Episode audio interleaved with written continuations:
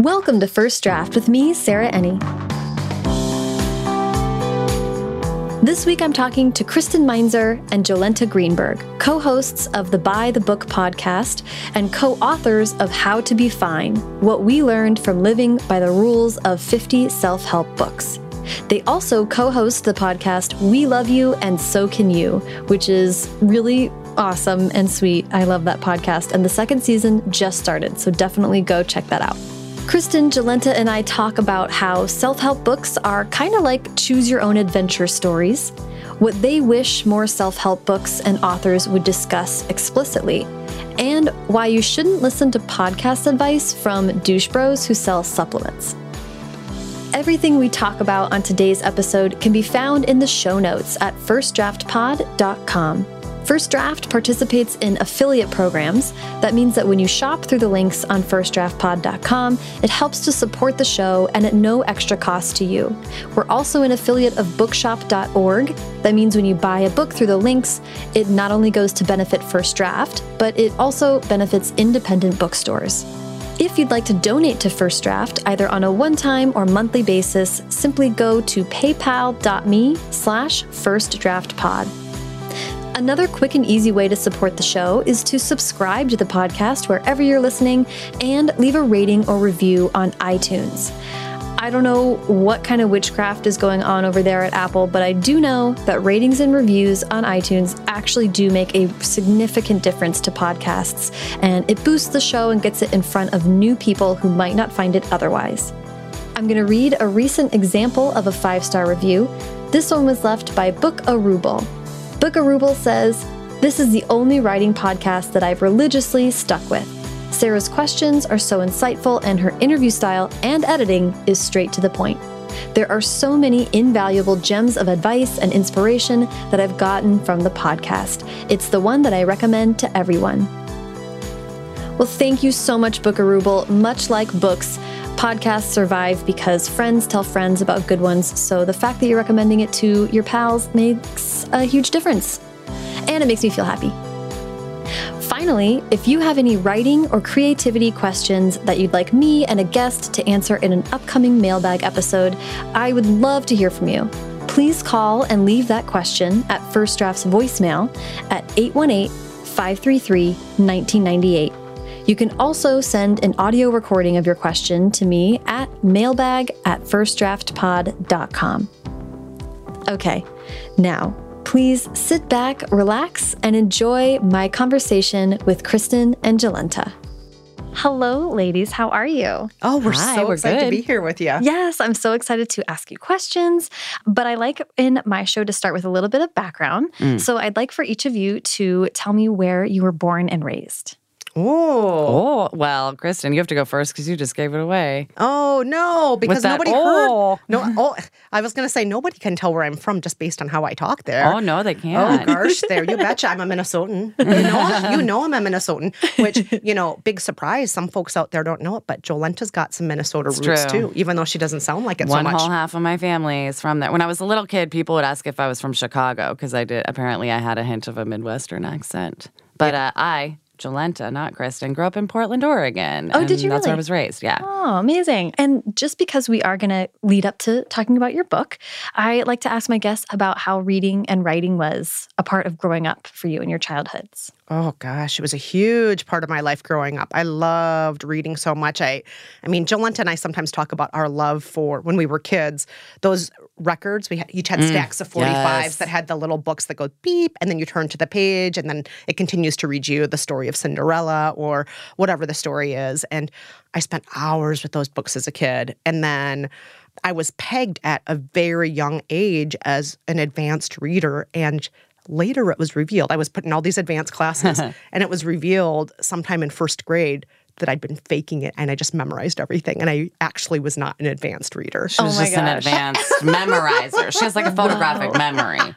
but I I was just a liar. Like I, I was not reading. I was memorizing which most little kids do when they first start to read but Right. i was taking it too far. So, That's so i think it was late kindergarten or early first grade it was discovered and my parents were told you actually need to sit down and read with her and Oh, just yeah. have her like listen to it like she's essentially doing the equivalent of watching tv the way she reads right now That's oh so so oh my cute. gosh, Yeah. that's hilarious. That's so funny.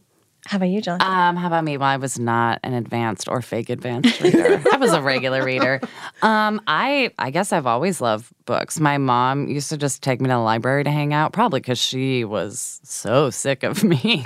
but we would hang out at the library all the time and always, just always reading. And like my mom always brags about, you know, by the time I was five, she had read me all the Laura Ingalls Wilder books. Like, and so just growing up on all of those stories. I guess I just never stopped. And then I went to school for theater and I just like love stories forever and reading them. Yeah, I love that you both reference the books that are read aloud and you're in public radio. That just feels like oh, very Oh, yeah. appropriate. Just we love our audio storytelling. I hadn't even thought about that. Also, really? I- oh, I think about it all Oh, do the time. you? I used to like drag around my my first Sony and record everything. oh yeah. Now look what I do. I just drag my phone around. Yeah, I used to love recording just advertisements off the TV on Saturday mornings. That's how much I loved recording stuff too. Yes. And then I could sing along with the McDonald's commercial afterward. sing. Yeah. That's so funny. I was my just first Sony. That's one of my favorite. My first Sony. yes. Yeah. I just was able to chat with Gretchen Rubin, mm. who I ah, think yes. you know, and we talked about a bunch of her books. But in Better Than Before, she her one of her advice things is think about what you did when you were ten, which is kind of what we're talking about. But mine was like I had the double cassette, and you, if you got the free cassette from McDonald's, you could put tape over it, and then you could record on it. Oh my and gosh, yeah. I would host a fake radio show. Oh my Oh, gosh. yes. Oh my gosh. That is So- the cutest ever. so and look at us now. Yeah. Um, so I want to kind of fast forward and actually just hear the story about how you two met each other.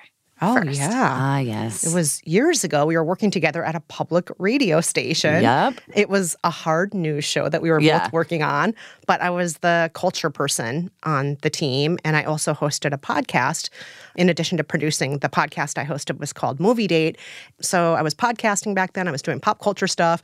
Everybody else on the team was doing things about demilitarized zones, what was happening on Capitol Hill, Yeah. the House versus the Senate. Yeah. um, I was there in an administrative capacity as a part time assistant, and Kristen was the fun one. She was the only person who could talk to me about like a movie that was in the theaters or perhaps like what was on Bravo last night. Um, so we sort of connected over, you know, lowbrow entertainment as opposed to hard political news, I guess. Yeah. I like to not think of it as lowbrow. No. I like to think of it as the people's Yeah. entertainment. We connected over real entertainment, not Yes. news. Um, and so we became friends. And I always dabbled in podcasts. I did like independent stuff with a friend of mine and then with my boyfriend, who's now my husband. So I'd always dabbled in that. And uh, while I was uh, the administrator at this news show, we would get sent like buckets of books because that's what people who write books and their mm-hmm. publicists do. They mm-hmm. send books just to every news show because, you know, hopefully they'll get their author on the air. And along with a lot of like, you know, history of this political movement and like this f- fancy politician's autobiography, we just got a ton of self help books. And I was a part time assistant working a billion jobs trying to be an actor, comedian, something creative. And I was also hoarding these self help books, being like, one of these will fix my life. And then I was like, or maybe one of these will fix my life while I record myself and make a podcast out of the process. And because I have a tendency to like, I like to think of myself as someone like who has un- unfortunately like missed joining a cult. Like I'm primed for it. Like I feel like I I you know give off an essence of like wash my brain. Like I want it. And so I figure if I'm going to do this, I need, you know, sort of a control group person to do it with me to make sure like I don't fly don't the the deep end or like, you know, join a movement I regret later. um, so that's where Kristen came in because she was my friend who liked similar things, but also my friend who was like very good at being an adult. Kristen, you know, has a good allergist, can give you the number of a lawyer, like knows how to purchase property in New York. Like, what is that? She's like the adult. So then I roped her into this, and eventually we made it. Yeah. So I, I feel very fortunate that Jolenta wanted me along for the ride for this because Jolenta's hilarious and the idea is great. I'm just going to say it. That's right. I'm saying that our idea is great for our show. It's great. Yeah. So we talked about it for quite a while. And then eventually I ended up at a company called Panoply, which is the sister company of Slate, which is no longer. But I was there and I went to the higher ups and I pitched the idea. And it was initially when I was pitching it, I was like, you know, Jolenta is very talented. I could co host, I don't have to. And they're like, oh, you absolutely have to co host because you clearly think all of this is malarkey. Yeah. And Like you're in pain describing this Yeah. scenario to us, and it's funny. Yes. And so um, that led to us eventually becoming a show. And now we just are wrapping up our sixth season. Yeah. And actually, before we talk in more specific about By the Book, do you guys mind pitching the concept for the show just specifically for us? Um, what, what, what did we say? I, I can do it. Do yeah, you want, do you I want say to this is your bread and butter. I'm the one who's like, what if we do this stuff? And you're like, here's the log line. yes, I do a lot of that. I'm like, okay, and here's the structure. And it's going to be broken down this way. It's going to be Uh-huh, bi weekly like, and this and another. yeah, do uh, all that stuff. So I said self help believer and comedian um, and a culture critic slash skeptic choose a different self help book each week, follow it to the letter while recording themselves at work, at home, and in the world so you can hear how each self help book enhances or destroys their lives, their marriages, their friendships. Everything. And it's a reality show in podcast form. So you really do hear the good and the bad. And you also sometimes hear a lot of hilarious stuff. And you also sometimes hear a lot of crying. and um, sometimes you hear us do wacky things like move traffic with our minds or regress back to our past lives or throw out over half the things we own, Marie Kondo, um, waking up at obscenely early hours, living by the self help hits, living by some of the most talked about ones from the past. Our current season is all through the lens of history. So we started in the 1930s and chose one book per decade this season. And then uh, we have a historian weighing in also. But prior seasons, we've done things like try to live mostly by books that help us become better people or trying to live books. In the first season, most of them were kind of what I would call stunts, where we would, we did extreme things in the first season. Um, at one point, we each wrote a book in less than two weeks. That's right. Yeah. An ebook. Mine's a pamphlet. It's a good one, though. Yeah. well thought out pamphlet. we, we've all read bad pamphlets. They're the worst. Right? Yeah. Um, I want to ask about this is where my um, questioner side, you might, this is like a Gretchen Rubin thing, but my questioner. tendencies? The Yes. The four tendencies, yes. I'm a rebel, but I lean questioner. But I, I love knowing how things are made and how the how it is behind the scenes, structured and set up. So I found myself wondering, how do you decide what books to go for? How early in advance are you kind of sketching out what the rules are? Because you live by them for two weeks, which is long, but also kind of short. So Yeah. how do you kind of pick something and then set yourselves up to jump into it for that two weeks? Well, we start planning the season months and months in advance. And we frequently try to come up with a theme. And maybe the listeners know the theme and we announce it. Maybe they don't know it, but by the But end of the uh, season, guide us. Yes, Yeah. exactly. Maybe by, by the end, they'll realize, like, oh, a lot of these books were about being a better person. I didn't realize in the beginning. But this season, we definitely announced it since we had a historian guest the whole time. So we plan months in advance whether or not we're going to have some sort of theme with it. We decide on the order of the books every once in a while, not often, but maybe one book will be swapped out Mm-hmm. for another because when we start reading it, we'll realize we just. We're like, oh, it's so similar to the one we started the season with, or you know, there's no way to make there's actionable no steps out of this actionable steps, or like it, mm-hmm. we don't get, you know, we get halfway through and realize, oh, this book requires a four month process that we can't adhere to for our show structure. So we we leave some wiggle room, but and that's why we plan it so far ahead. Yes. And once we start production on the season, we're always at least 10 weeks in advance to start. And for the two weeks we live by each book, we really do live by each book for two weeks. We speed read, we read as fast as we can, which Jolenta and I, I would say neither of us are super fast readers. Yeah, But you're we- faster than me, but like But neither of us Dang, are we're really not fast. but we do our very best to finish reading the book in like 36 hours and then distill all the rules down, Mm-hmm. talk to each other to say, you know, what I saw was there were actually seven rules, and then Jolenta might say, "Well, I actually think like, six and two seven are are so identical." similar. Why don't we see if we can mush it together? Like, Yeah. and yeah, so we'll touch base sort of at the top of the two weeks to make sure we're on the same page about like what the steps would be, like what we read in our script as the steps, and then we part ways and try not to reveal too much about what happens in the two weeks, other than like our day to day, you know.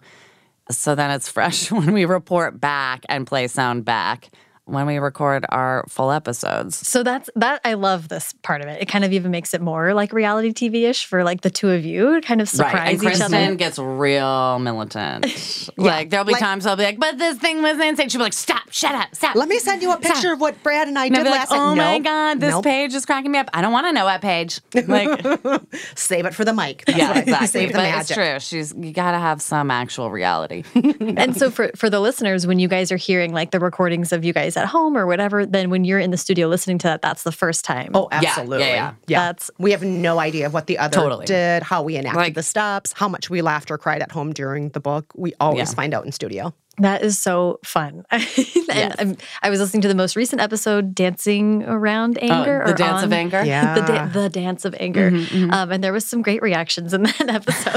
Oh yeah, Yeah, that one got real. That one was wild. Some people were a little bit mad at my husband in that Yeah, one because yeah. my husband is somebody who is so kind and even tempered and supportive. so easygoing. And just like almost never gets mad and got really mad during this book because Like about nothing. yeah, it's he was in a grumpy mood for a few minutes and the book essentially asks you to process and process some more and process some more. And he's like, I was in a bad mood for five minutes. That's the only thing we need to process. It's been four days and we're still talking about the bad mood I was in for five minutes over the weekend. It's just it's his fault for having bad timing, like with an issue, and like the issue happened to be small and not needed. it didn't need to be rehashed, but like if he could have picked a better issue, Yeah. it would have worked. He didn't want to go to Target with me, but maybe he did once we were there. And that was the whole everyone fight. wants to go to Target in their heart. once they're there, everyone wants to be at Target. It's true. Yeah. I love that. And that, I did always think that was so interesting. And you guys work obviously with a producer and a team of people to help make it run smoothly. Yeah, shout out to Nora, Nora, our super Nora's producer. mainly that team, and uh, yeah, she's recording this right now. Thanks, Nora. Thank you. um, which I love. I also could not um, survive without my producer, so they they make everything happen. Yes. Um, I want to ask about. I kind of want to step back and, by way of leading into talking about how to be fine, Mm-hmm. talk about like the world of self help books. Mm. You get into it and how to be fine about your kind of perspectives on the highs and lows of those books generally. But I want to hear first of all. It sounds like you were familiar with the world of self help a little bit. Jolenta, before you guys started doing this, but Kristen, were you, had you read very many at all, or Before Jolenta and I started the show, I'd read fewer than half a dozen self help books. okay? Um, definitely fewer than half a dozen. However, I was definitely familiar with the universe. I've always been an Oprah fan, and you can't be an Oprah Right. fan without knowing at least the general landscape of self help. Right. And Jolenta and I both studied a lot of feminism, history, social movements in college. So self help and the you know whole history of American self identity of reinvention and so on Bootstraps, uh, all, all and the that like. stuff kind of folds into it too. All the different movements of betterment in America, from transcendentalism all the way to the hmm. present. You'll you'll see it over and over again. Horatio Alger myths and so on. So, I think that we both just by being Americans had a certain hmm. amount of that, and then added to that my love of Oprah. Jolenta also loves Oprah. Yeah, and I love, I love, uh, like to me, uh, self help books have sort of an after school special feel. I mm. love like taking a look at an issue or a part of life in both like a very extreme, almost campy way, but also like weirdly optimistic. It's like it almost exists in its own universe where like the world is perfect and everything is pretty extreme and black and white and only about this one issue. Mm-hmm. Which to me is just fascinating. It is really fascinating. And I mean, like, to be transparent, I love self help books too, kind of, but they're so fascinating and also like deeply oh, problematic. Oh no, they oh, enrage me, so but I can't stop devouring them. Yeah, and there's something. I mean, you guys take this to the extreme, but there's something participatory in them. So it's like reading nonfiction, but you're like, when when the book says you, it means me. Like they're Yes. talking to me. Like choose your own adventure books back when I was a Yeah. kid. Oh, Yes. Yes. Yes, addictive. But I want to ask about, and you guys bring this up, but I think this is so interesting. And I kind of just want to talk about like this as a movement that's really obviously like really interesting right now. And I think a lot of people are having a meta think about self help. Mm-hmm. The stat that really blew my mind when I was reading and researching about you guys was that four out of five people who buy self help books identify as women, but four out of five of those books are written by men. That was shocking to Yeah. me. Yeah, that's from a Goodreads study based on thousands and thousands and thousands of books that had been logged in Goodreads. And we're not surprised at all. We No, found not at all. we found definitely over the course of living by self-help books, there are a lot of dudes telling women what to do. Mm-hmm. Yeah. From the dawn of the self help. Yes, and there are a lot of women who are our audience who frequently feel bad about themselves because for some reason they can't make themselves millionaires at the end of reading this book. They can't somehow catapult to the top of the corporate structure. They can't make a perfect home or a perfect marriage. And it's like, well, did you ever think that maybe the rich white man who wrote this was born on third base? And maybe the reason he hit a home run is because he didn't have to walk very far? Mm-hmm. Mm-hmm. And that the people he's writing to aren't in the same boat as him? Yeah. And like context is real and like not applicable to everyone, like the same one at least. Mm-hmm. I was really beating myself up because I couldn't remember earlier who I, I couldn't remember what this book was, but a friend of mine just rediscovered it in a used bookstore, this book that she had seen in her house when she was a kid. And she brought it on stage to this reading and went through it. And it was like, it was uh, dating advice. And it was like, don't ever call him, only stay on the, The phone if he calls the rules. So mm. she was That's reading. a famous book. yes, yes. And like they're an empire, these two mm, women. Mm-hmm. who Even though they got mm-hmm. divorced shortly after writing that book. I did not know Oh, that. both of them divorced their husbands. That They met Really? by following the rules. That they Well, wrote. because they met sociopaths following those rules. Oh, because they just tricked people into marrying them. God. Tricking people into marrying you is not the best way to get married. Yes. Yeah. But then- What? and in the Oh no! Oh God, don't tell Brad. Oh, note my to self. life is a lie. it was like really a shocking moment and and I'm and uh, you guys are so honest and you share lots of moments like this in your book which I want to get to in a second but but I especially related when I was reading because she was standing up and doing this kind of spoken word piece based on these uh, readings from the rules, which were crazy. And at some point in the book, it's like, well, do you want to get married or not? No. And I like the next day went to therapy and was just like, it was so shocking to read, to have it read out loud. Like I knew I was subconsciously taking in some of these clear social social things, but I was like, oh, it was just written out. Like there was no subtext in that Mm. book. It was text. Like women are less important than men, and you should be as quiet as possible, and one might deign to be with you. yeah, and your social value is inherently tied into marriage. Period. Yes. It was It's- crazy. Yeah, it's Yeah. insane. Well, and what's also insane, it, part of why I love reading self help books is it's almost like this sort of philosophical mental gymnastics to justify like the social structures we have in place that we now feel hold us back to make it seem like it's like the natural order and this is how you work with the natural order but it's like guys we made up all these institutions that hold us back and make us feel inadequate and now we're making up books about how to deal with them as though they are the word of God. Like it's so fascinating. Yeah. But are for- also necessary because, like, for women in underserved population, like, you know, the biggest, most visible one, we still aren't represented well in the medical fields, in any of the sciences, psychiatrics. Like, we are anomalous to the male body, brain, what have you, that is studied first. So like we do need help. We do need extra advice and we then turn to these books. Yeah, it's it's so so. I want to ask about. I want to dive into How to Be Fine, um, which is the book that you guys wrote after. Now this is the sixth season of By the Book, which is amazing. And the reason I'm bringing up this like traumatic live reading of the book that seared my brain as a kid is because you guys get into. Um, is it eight? It's eight things that didn't work. Mm-hmm. Mm-hmm. The book is kind of broken down into 13 things that worked, eight things that didn't work, and eight things that we think more we'd like to see in more books. We wish more books would recommend. I want to ask about that structure, and then I mm-hmm. want to ask about mostly the things that didn't work because that was a really fascinating chapter. so, so when in the process, like in seasons, did the idea of a book come about, and how did you kind of get together and think about what the structure was going to be like? Well, I would say beginning in the first season, people started writing into us saying, Why don't you two write a self help book? You clearly have good heads on your shoulders. You talk openly about what works and what doesn't. You actually test drive these things, which, you know, a lot of people wrote in initially in the first season and said, Wow, it never occurred to me that, like, do people ever test drive these books before publishing them? and you two are doing it. You're actually doing it and you're being honest about it, good and bad. You're being honest about it. You should just write a book. Or other people would write in and say, You're the real experts. And Jolenta and I, by the way, do not consider No. ourselves experts in the slightest. And we try to make it really clear to in the book that we're not. why I think it's formatted the way it is, Yes. where we're not saying we read all, all the self help there is to read, and here are the actual keys to like be 110% whatever superstar. No, we're saying after this, or not after, but like at the point we are in in this social experiment we've decided to put ourselves through, slash, like make a living somehow doing.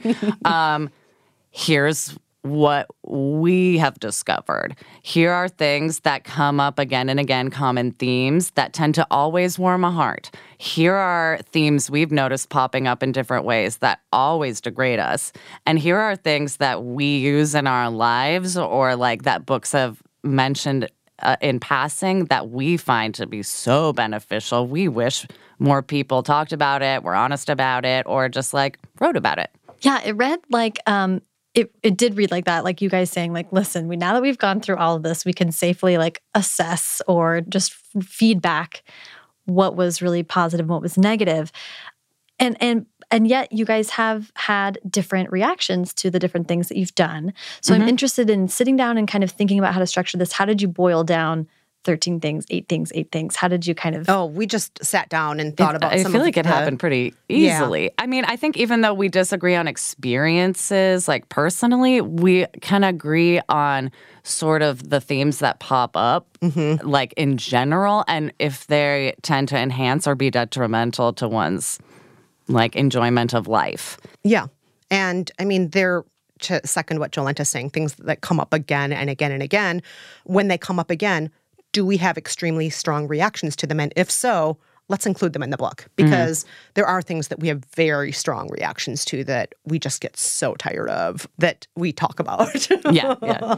and some things that are good that we talk about too, because the visceral reaction is very strongly positive sometimes mm-hmm. too. Or and it's like in my case, often I'll have a super negative reaction to something because it's good for me. And Kristen will be like, "This was great the whole time," and I'll be like, "Fuck that stupid thing," and then I'll be like, "But it made me happier." Listening back, actually, no, wait, that was really positive experience. You know, like Yes, I have had I've had that feeling. yeah. So it's like even though I know it's good for me, I may not like it going down. Like yeah yeah i want to talk about some of the things that didn't work and and, uh, and i really responded to it i think because in the books that i've read especially lately i noticed these things so i was like oh yeah yeah yeah i felt that way too i mean wake up early was so so i'm actually the wake up early one i really want to hear from you because that was one of the most requested books is that right Yes. Yeah, yeah. Yes. So that book was Miracle Morning by Hal Elrod.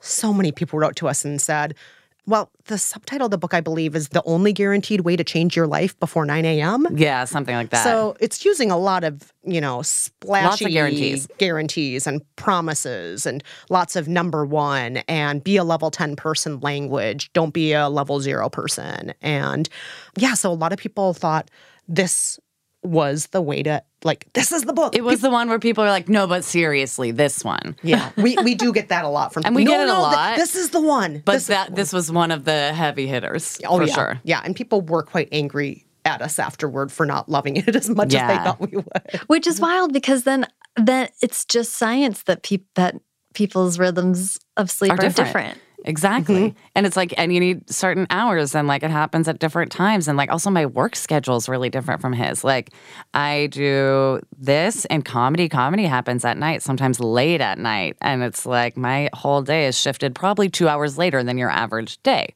Yeah, and I like to think Jolenta's very successful. I'm successful, and we don't wake up at 5 a.m. There are a lot of very successful people whose hours are the comedian schedule, the Yeah. The overnight schedule, like Uh, yeah, anything. th- there are a lot of different schedules. I feel like work on. doctors who work night shifts are probably successful still, you know? Yeah, In yeah. fact, they're doing a lot of good for the world. Yeah. Yes. One might argue, yeah, they're doing great. Yeah, one might argue very successful. I'm really interested to hear what other things Mm-hmm. came out of like intense reactions. And the reason I'm harping on the eight things that didn't work is because that feels like such a refreshing thing for people who love this genre to read about. Oh, yeah. Um, so I'm just interested in, in what were the really strong things and what was maybe cathartic to write about. Yeah, I think a- meditation. oh, sorry. Go oh, ahead. sorry. Um, I was going to say meditation. Mm-hmm. Meditation is something that people feel extremely strong feelings about, and it's something that doesn't make me happy. It really makes me the opposite of happy. Mm-hmm. It irritates me. It doesn't give me a clearer head. It doesn't give me uh, more of a sense of calm. It does pretty much the opposite of all of those things. And people write in over and over again. They say, no, think of how much happier you would be if you would actually learn how to center yourself. I'm like, I think I'm already good at that. I don't think I need to sit still and close my eyes and shut up, uh, which more often than not, by the way, it is a white man and I'm a woman of color telling me to sit down and shut mm-hmm. up and be quiet. And no, no, no, just think about your, just clear your head, just, you know, whatever it is. And it's like, no, there are so many reasons why it makes me uncomfortable, partly as a woman of color, but partly just being somebody who is not wired that way. It just doesn't work with your body. Yeah. And that's, I was going to say, that's the general thing. I feel like each. Each one of these things that didn't work explores, they're all so specific, but touted so generally by the wellness community, movement, what have you, about like, meditation universally good. Fact where it's like there are studies that like it, it, makes thinking harder for people with adhd brains sometimes. And it's like it's yes science says it's super good but also not super good for everyone. And that's fine but it's just the hard and fast promises about like this is good for you. Fact 100% like it starts to become another thing to worry about and eventually need a self help book for. Because now you're broken because meditation doesn't make you happier. I don't know what's wrong with me. Find more books. Like it's all these things that yeah or like if you can hit this then you'll be happy it's like no if i get up at 5 a.m i'm i got sick and like i do think there is something to say about like scheduling your day ahead of time thinking about how you use your time but not one hard and fast way for every person that also leads to 100% success, you know? And same with the uh, oh, what was forgiveness? I was gonna say I was gonna say having it all. Oh, that too. Oh or like gosh, the illusion, yeah, or like being able to give a the illusion you have it all, even if you know like you're only picking three things. Randy Zuckerberg. That made me where really go wild when I was reading you guys talking about it because I haven't read that book, but I was like, of course she's Zuckerberg's sister, mm-hmm. and of course she's like Uh, please explain. Yes, but it's just like it's like we made up having it all, and having it all like has deep, deep roots in fem in feminism, or I guess anti-feminism, and the fact that like up until recently, women weren't allowed to have much outside of their home, like and it's just just having it all is like I work like a young white man with no attachments but also be the best homemaker you can ever be. That's an impossible ask. It's a mean ask. It's not asked of half of our population. It's also like you know a first world problem ask. And like what if we dismantled the bullshit that made us worry about this instead of trying to force ourselves to pretend we look like it. Yeah, Jolenta and I are big uh, opponents of the all or nothing mindset. Like, you got to have it all. And another thing that we really dislike is just eyes on the prize, aim for the big picture. It's all about the final, you know, and it's like, no, sometimes it's not about the big picture. Sometimes it's not about crossing the finish line. Sometimes it's not about the huge sense of accomplishment once you reach this one final point. Maybe it's about all the little steps you take along the way. Maybe it's about breaking up you know your tasks into moments and making those little moments happy instead of worrying so much about this 5 year down the road or 10 year down the road or giant picture that's so many of these books tell us along with you're going to have it all you have to look at the big picture all the time. And, and, the big picture all looks very similar. It looks like, you know, selling supplements or a brand, traveling. You live in a McMansion. like working on beaches. Like it's like Plus also you have to have such a beach body. It's such a prescribed all as well, you know? Yeah. Horseback archery was my favorite recurring yes. reference. oh my gosh. that was you, wasn't it? Yeah. It yeah, I knew it was. Yeah. You really latched onto that during the first read. Yeah. That's what I want to do with my life. I that's, mean, that's the proof that I'm succeeding. Mm-hmm. Horseback archery. And and what the proof of your point is that you did decide to name the book How to Be Fine, which mm-hmm. I loved was like we just all want to be like just fine. Mm-hmm. Like we'll be okay. yeah. I just want to make it through my day not miserable. Yeah. But also just the idea of how to be happy seems so single minded and mm. not realistic because one of the really outstanding things that hopefully we all get to experience as humans is we also get to an- have anticipation and maybe a sense of mourning because we loved someone who died. And the only way you have mourning is because you loved someone very, very deeply. Or you know, mm-hmm. sometimes being scared. Jolenta loves horror movies. Like there are a million I was other say, I'm feelings. scared all the time. Scared right now. Gonna go home, be scared. there are so many feelings beyond happiness, and it's such a horrible idea that like we're going to prescribe to anybody. Um, and I don't, when I say we, I don't mean me and Jolenta. I mean just like the self help industry, industry at large. in general. Like, why are you trying to tell us to have one emotion? This seems like the worst idea in the whole world to me. I don't want one emotion. Right. And it's poorly defined as well and all that. I mean, I think this is why, you know, hearing you guys talk about it, why I responded to Gretchen the way I did when I first read her was that she's very, like, I feel like she's moving towards trying to be accepting of how everybody can deal with Mm-hmm. things. And, uh, and in her book, she's like, sometimes you have to do difficult things and then you're happy at later when it's exactly. done. Yeah. Um, I want to talk about the things that worked and then your guys' kind of tips that you distill. And I also want to talk about how you actually like physically wrote the book together because co-writing is such an interesting Oh yeah. tour or task, I should say. So the 13 things that worked, which kick off the book, are really, really fun. I really enjoyed reading you guys kind of reflecting on that. Can you tell me some of your favorites that stand out? I love being nice to people. Oh my gosh, you do. You're love it so with much. it. I think that might be the first chapter in the book is about how when you're kind to other people, it's like a gift you're giving to yourself because mm. it just gives that boost, you know? And so we live by a book called Why Good Things Happen to Good People. And the book just it breaks down a bunch of different ways to just be kinder and to be better in the world. And inevitably every single thing we did just made me so happy. Giving somebody a compliment makes me happy. Helping somebody shovel their car out of a snow pile makes me happy. Um, Jolenta helping people carry their strollers up and down subway stairs made her so happy. And concentrating on, you know, the ways that we can, you know, rather than just be sad about how the world is, but actually try to improve the world made us happy. It was Right. great. I loved that book. Exactly. Yeah, I was going to say to piggyback off of what you were saying, all the books we live by that are about making the world around you a better place made me feel a lot happier and a lot more productive Yeah. than a lot of the more navel gazy, like, girl, wash your face esque books. um, putting focus outside of yourself, doing self esteemable actions that in the moment you're like, why am I doing this? Like, because a book told me to, or like, because it's good for you, or like the world. But then you're like, oh, right. Like, following through on things feels good. Following through on things that you know are like good for the world feels good. Whether that's starting to compost or going to a town hall meeting for the first time. Yeah. And I think that one of the big problems with the self help industry is that it puts all of the onus on the individual. Mm-hmm. And maybe the reason why a lot of people are feeling unsettled in the world or sad or scared is because the world is fucked up. And so looking at your sleep schedule is not enough. Micromanaging your brain like doesn't help you feel Yeah. less alone in a crazy world sometimes. It Yeah. makes you feel more crazy. yeah. So maybe going out there and doing something to actually make the world better while connecting with other people. Or just looking at a tree. Yeah. Like getting outside is another thing where it sounds so simple, but it's so easy to forget. Where it's like, oh, right. Like reminding yourself where you are physically. Yeah, just get out of your head, get out of your own way a little bit, and then, you know, deal with the world outside of yourself. And yeah, it's it's definitely been the case that Jolenta and I both feel better when we get out of our heads and go out there and do better things. Yeah, I love that. That's a great message for this year, especially.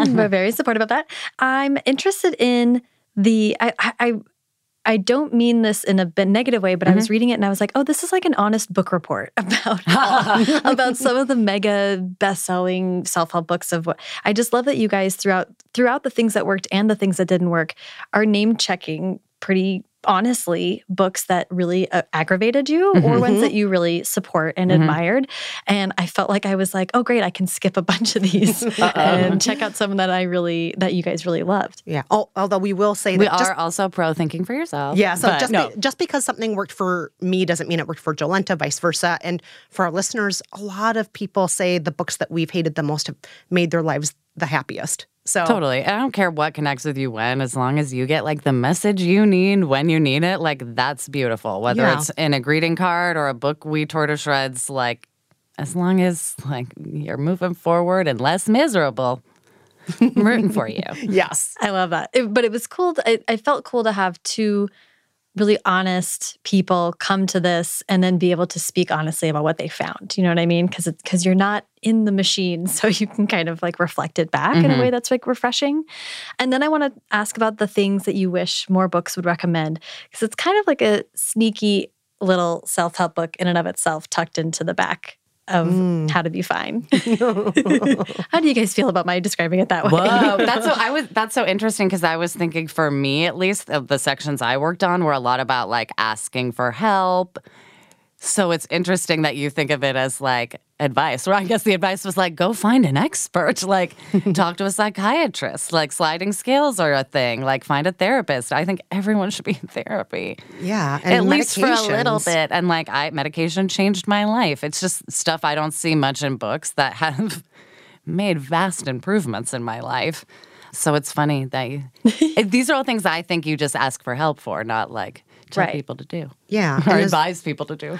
and as Jolenta said earlier, maybe some of these things will come up in passing in self-help books. Right. We just wish they would dive deep into them. And I mean, at least in the books we read, we don't mean to treat our book as an exhaustive analysis of Oh, no. every self-help book that's ever been written.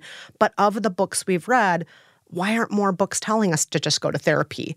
Therapy is something where someone's individually paying attention to us and can help us. They they understand your individual issues or you know maybe your family history or how you were raised and how it pertains to you feeling like unproductive at work. You yeah, know? all of those things. And so, I mean, it's funny that you think of the last section of the book as almost like a self help book, but we just, we really wish that some of these things that are, you know, to us very obvious, like see a therapist, we just wish more books would talk about that. Mm-hmm. And it's almost as if certain self help authors believe, oh, well, if I tell my readers they can see a therapist, they won't buy They my won't books need the anymore. book. Well, I'm like the industry gets skittish too, where it's like we don't want you to get fixed. Yeah. like, you know. Yeah. Not that there is such a thing as being fixed, but Yeah, much like the diet industry, like, oh, like we kind of want to keep you on this hamster wheel forever so we can keep selling you stuff, right? If we were positive about bodies, that wouldn't be. that would not help me selling this book about you being gross. Um, and I am on my show. I am constantly talking about therapy, so I was really happy to see that in there. I name check my therapist all the time. Nice. Um, oh, jealous. uh, the process of writing the book. I'd love to hear it. And I know Kristen's written a book before. Well, you both have written the ebooks. I have not written a real book before. No, no worries. Do not worry. so when you got the, when you decided to do it together, how did you begin that discussion? I'm so interested in how people co-write books. we sat down and we thought, how would we structure the book? Jolenta and I are both big fans of structure. We structure. love a structure. We love a structure. So we thought about, you know, the structure that you already mentioned, things that worked, things that didn't, things we wish more books mentioned. We wanted to include listener feedback because a huge part of what makes our podcast successful is we have a wonderful community, 15,000 people on Facebook who log on every day and talk to each other, tens of thousands more on our other social media channels who all share their own stories, who talk about what's tough in their lives, who give each other advice mm-hmm. and Who ask like super smart questions. yeah. And so we wanted to include them in the book also. So we said, okay, we know we want to have these sections. We know we want to have certain letters from listeners, people who push back on us mm-hmm. because. to balance our opinions. Yeah, because we don't want to be the only voices in the room. It's really important to us that people do push back and say, hey, Jolenta and Kristen have already said that their experience isn't everyone's, but these letters are proving that. Mm-hmm. Like, I'm writing in saying that's not my case. And here's my reaction to your experience. Like, Yes. And so we try to include that also. And then after we sat down and thought about the sections we wanted, and we each threw things out there like, oh, this is something I felt strongly about. Oh, Kristen, do you remember how upset you got about mm-hmm. that? And we went back and forth. And then we kind of distilled the list and then we split it up and we went our separate ways. And we tried to have periodic check ins with each other, tried to make sure that our chapters were in in time for like, if we had a deadline next Friday, we ideally wanted to see each other's chapters at least a week mm-hmm. before then because our chapters are supposed to be speaking to each other That's also. I would say the most difficult part was was just sort of tracking what book got brought up when. Hmm. And so the first mention, whoever has that, we have to make sure they hit like the proper title, full author name, everything. And then, you know, sort of having to mark where that's mentioned. So the next mention, whether it's me or Kristen, we can be like, as Kristen mentioned earlier in the blah, like when she was talking about blah, blah, this, like, this theory comes up in this book as well. Like, or, you know, so just kind of tracking how we introduce the books, when to refer back, how to refer back was was wild. That was wild. I cannot imagine writing a book where you actually are not alternating chapters. Right. I was going to say people do that? because basically we wrote like a collection of essays slash book reports, depending on what kind of chapter it was. and then made sure they lived in the same universe. They, you know, were referencing similar experiences. And, you know, we would speak to each other's experiences and, you know, read each other's and make sure it was all kosher. But I couldn't imagine like writing all the words together. Yeah. I mean, writing the conclusion of I the book was really fun together. I would have been dead and I would have deserved it. That's what would have happened. But writing the conclusion we wrote together because that was just a conversation. It wasn't Yeah. like a book report. And when Jolenta and I write conversation together, it's super easy for us to write together. Writing a book Mm-hmm, it's fun. report's a lot harder. Yeah. We love writing in our voices at each other. We're really bad at writing in each other's voices, but we love doing it together. Yes. I love that. And you did write a whole book by yourself, though. I don't want to let you leave without. Oh, yeah. no, it's a super entertaining book. I It's- felt like, I mean, granted, she is a friend of mine, but I feel like had I not known her, if I picked it up, I would feel like I was reading like my cool friend's advice about like how to make a pretty legit podcast. yeah. Yeah, it's called So You Want to Start a Podcast. Thank you, Jolenta. She didn't have to say that, but she's a great cheerleader. Um, it's just the truth. but yeah, that book was one that I wanted to write for all the people who have come up to me over the years and said, I have this great idea for a show. I want to host a podcast. And so I've been working in podcasting for over a decade. Um, I was the director of nonfiction programming for Panoply. I've hosted now five shows. I've been the producer of about 20 shows, including Gretchen Rubin's. You mentioned Gretchen. And so I just thought, you know what? I get the same questions over and over again. Every time I guest teach at a class or speak at a conference, it's always like the same questions that come up. And I thought, why is nobody just distilling all the answers into one place? Because it's always the same questions. And the people who have the loudest voices now are people who are promising passive income, who are trying to sell you expensive recording equipment, uh, who are a bunch of douche bros who tell you, no, if you and your friend Dave are funny and just talk about what you think's funny, that's enough. As long as you buy this microphone that's $2,000. Michael Jackson used? Yeah, yeah. And, And these vitamins. and Yeah, these and these supplements I also sell. all you have to do is sign up for my 12 part course. And Oh my gosh, yeah. yeah, and I just thought those are the loudest voices. Why is nobody just writing a mm-hmm. book about how to do this well? Someone was like, hey, I've been here. This is what works and doesn't. Yeah, exactly. And so I try to include a lot of my own failures in the book. I try to make sure that I'm, you know, showing the humor of things and not just scolding or instructing and make people feel empowered so that they can do it. And particularly, um, I like to think I subtly folded it in, but I did get one complaint from a white man who said, You do too much to try and elevate the voices of women and people of color in your book. if I wanted that kind of nonsense, I'd sign up for a women's studies class. And I'm like, wow, what a statement. Oh my. Oh my. Sorry, dude. Not I, sorry. I, I feel like I'm I'm gonna It must be really hard for him to feel alienated for the first time. yeah yeah what a dick. I feel what a like shock it must be to him. I feel bad. that's giving me a little bit of life to be honest. I feel a little lifted up. I took it as a compliment. I feel so alive all of a sudden. Yeah. Like, I, I got your the book in the mail, which was so funny. But I, I I've been doing this podcast for like five years, so I opened it up and I was like, "Oh, is this publicist subtweeting me about like, do so you want to start a podcast book?" but then I sat down and started reading it, and I was like, "Oh crap!" I took out my highlighter and I was taking all these notes. I and learned stuff from it and I I, work with so her great. in podcasting. I was like, oh, that's actually a good pointer for interviewing. I should do that. Yeah, so I found it completely helpful. I loved it. So Oh, I'm so I wanted glad. to make sure we mentioned it on here. Um, uh, I'm going to let you guys wrap up, but I just wanted to ask about "We Love You" and so can you. Oh, yay! 'Cause We it- love, we love we you, love and We so can Love you, You. and we love you. Yeah. so we love you, and so can you. We launched last year, and season two. By the time this episode comes up, Oh my gosh, yeah. season two will have debuted. And on this show, it's um, it's a reality makeover show for your heart. We have a different guest on each episode who comes to us with a predicament. Like maybe they are trying to find friends as an adult, or maybe they moved cross country for a spouse and are trying to set up their own life there, or maybe they're trying to learn how to be creative again when they think they're too old to be creative and they don't like their day job. And, and Or, or they're just really messy. yeah, we have some. we have somebody who's just very, very messy and has a lot of shame around her health, house not being able to see the floor in her house. And so, in each episode, we try to give them a set of what we call self love steps. And along the way, we eavesdrop as they record themselves and they try to follow these steps. And hopefully by the end, they love themselves a little bit more and they feel a little bit better about their predicament. And we started the show partly because people said to us over the years, why don't you share some of what you've learned from By the Book to help others? And what Jolenta and I realized is, well, we can give them, you know, some advice, but we want to make it really clear that this isn't about us, it's about our guests.